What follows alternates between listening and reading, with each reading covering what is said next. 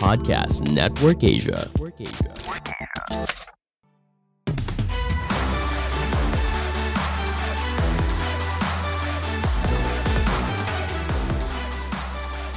Mindset, oh mindset.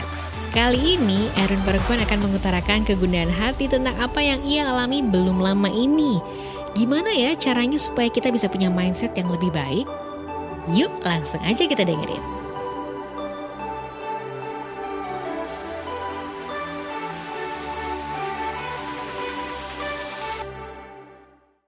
Bicara soal pikiran atau mindset, nah ini kan urusan setiap individu, setiap orang. Suatu saat di hari Minggu siang, saya lagi ngobrol nih sama anak saya.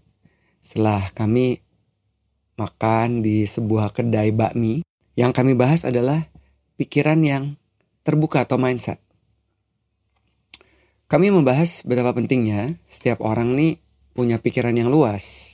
Ya dong, setuju dong ya teman-teman ya. Tapi banyak orang-orang di sekeliling kita yang nggak seluas pikiran mereka. Jadi yang ada di kepala mereka ya cuma yang itu-itu tuh aja gitu. Contoh waktu kami lagi ngobrol di warung bakmi itu, terus obrolan panjang sampai ke mobil sampai menuju pulang ke rumah, saya melihat satu adegan di mana seorang ibu lagi pesen makanan, terus dia juga minta kantong plastik satu lagi untuk mengisi sambal, sumpit dan lain-lain. Terus saya lihat, loh kan harusnya si sambal itu masih muat ya di kantong yang udah dia pesen bakmi yang udah dia pesen tuh kantong itu masih banyak tempat. Tapi dia minta lagi satu kantong plastik baru. Terus saya bilang anak saya itu salah satu contoh soal mindset. Ibu ini nggak tahu bahwa plastik itu merusak lautan kita. Kalau kami nggak pernah tuh selalu bawa eco bag ke mana-mana. Ini hal sederhana sebenarnya ya. Contoh sangat sederhana. Mungkin si ibu juga nggak tahu betapa laut kita udah penuh dengan limbah plastik. Terus saya bilang ke anak saya, nah untuk memberikan sosialisasi yang sesederhana ini aja, yang barusan kita lihat nih, itu perlu waktu panjang untuk membuka wawasan orang-orang tentang isu lingkungan yang saat ini terjadi. Emang urusan mindset adalah urusan tiap orang, mau sempit atau luas. Terus bagaimana dong dengan karir kita ya? Karir seseorang yang kayaknya gitu-gitu aja, tidak berkembang atau bahkan jalan di tempat. Kalau hasil kesimpulan saya selama ini bisa jadi karena orang tersebut pikirannya memang masih sempit. Sedangkan banyak banget ya informasi yang dapat kita cari kenapa karir gue mandek, gue harus ngapain supaya karir gue gak mandek, supaya karir gue gak gitu-gitu aja. Biasanya kesimpulan saya adalah entah orang itu males atau merasa tak berdaya. Nah, obrolan kami di mobil pun kami membahas tentang efisiensi waktu dan media sosial saat ini. Zaman yang serba kaya informasi ini, Bila seseorang hanya menghabiskan waktu untuk melihat hal-hal yang ia sukai, tentu si mesin AI, artificial intelligence, akan terus feeding hal-hal yang ia suka aja. Sedangkan di tempat lain, begitu banyak bertebaran informasi baru yang dapat membuat kita memiliki wawasan yang lebih luas dan tentu akan membantu kita menjadi pribadi yang lebih bernas, lebih efektif. Tapi kenapa ya masih banyak orang memilih berpikiran sempit? Saya rasa ya tombol-tombol urgency ini perlu dinaikin. Tapi tombol-tombol urgency dalam diri untuk berubah, punya mindset yang lebih luas dan segala macam itu nggak bisa dijalanin, nggak bisa dipencet, nggak bisa dicari kalau tidak ada kebutuhan yang mendesak atau sense of urgency. Sedangkan di luaran sana begitu banyak informasi bertebaran. Aneh kan ya?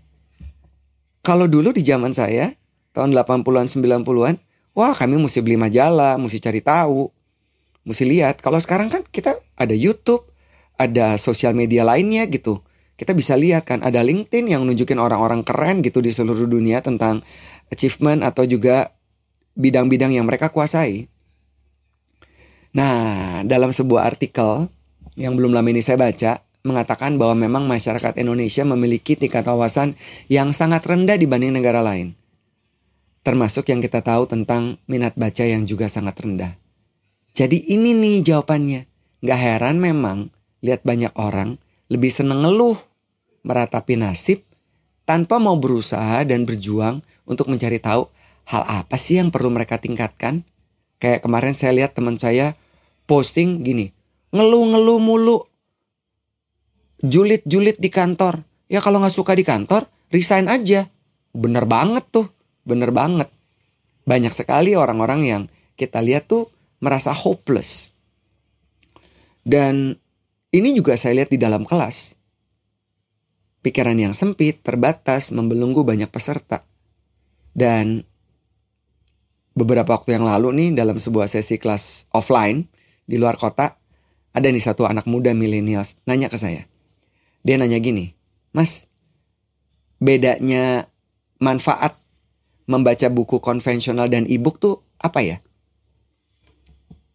Nah, ayo, ada yang tahu nggak teman-teman? Mendingan baca buku konvensional atau e-book?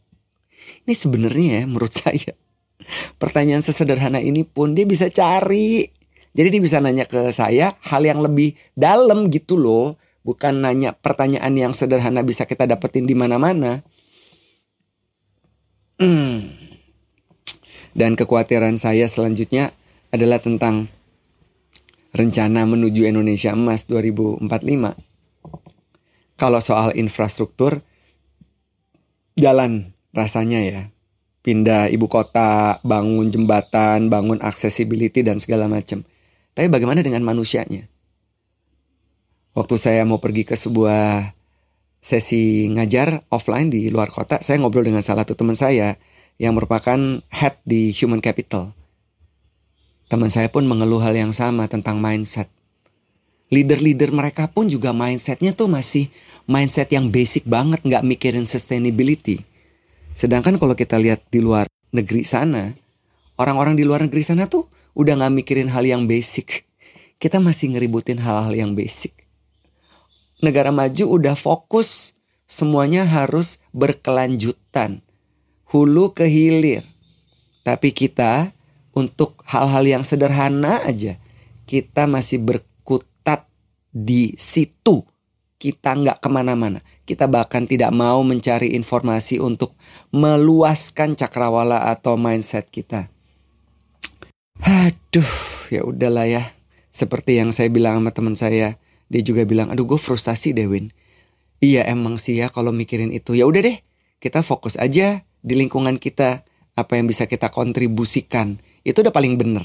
Dan kalau semua orang juga punya mindset yang sama, fokus kepada orang-orang di sekeliling kita, udahlah ya semua orang pasti akan keren banget mindsetnya. Dan dalam podcast saya kali ini, saya ingin mengajak teman-teman mulai berpikir tidak hanya dari kacamata dirimu saja, tapi juga dari kacamata luar. Kita lihat di luaran sana, wawasan perlu dibuka sehingga kita memiliki pandangan yang sangat luas, khususnya buat teman-teman yang ingin meningkatkan karir yang akan dibangun. Akan ada di mana dirimu dan apa perangkat-perangkat yang bisa membuat teman-teman semakin sukses dalam karir dan atur time management dan juga meningkatkan kompetensi. Apalagi yang bisa kita jual ya, agar kita bisa menjadi lebih keren, lebih maksimal, dan fokus kepada diri kita dulu. Dan kemudian kita berkontribusi kepada lingkungan terdekat kita. Jadi nggak usah lihat yang makro yang jauh karena nanti mungkin kayak obrolan saya dengan teman saya frustasi. Kita fokus ke diri kita dulu, kita buka wawasan kita, kita lihat, kita cari tahu dan ambil waktu untuk kontemplasi. Apa yang perlu gue tingkatin lagi ya? Kenapa karir gue mandek ya? Kenapa gini ya, apa ini tempat yang tepat buat gue? Nah itu menjadi salah satu hal yang menurut saya menjadi sesuatu yang sangat basic untuk kita mulai dan membuka wawasan kita seluas mungkin. Pandangan dan opini yang disampaikan oleh kreator podcast, host, dan tamu tidak mencerminkan kebijakan resmi dan bagian dari podcast Network Asia. Setiap konten yang disampaikan mereka di dalam podcast adalah opini mereka sendiri dan tidak bermaksud untuk merugikan agama, grup etnik, perkumpulan, organisasi, perusahaan, perorangan, atau siapa pun dan apa pun.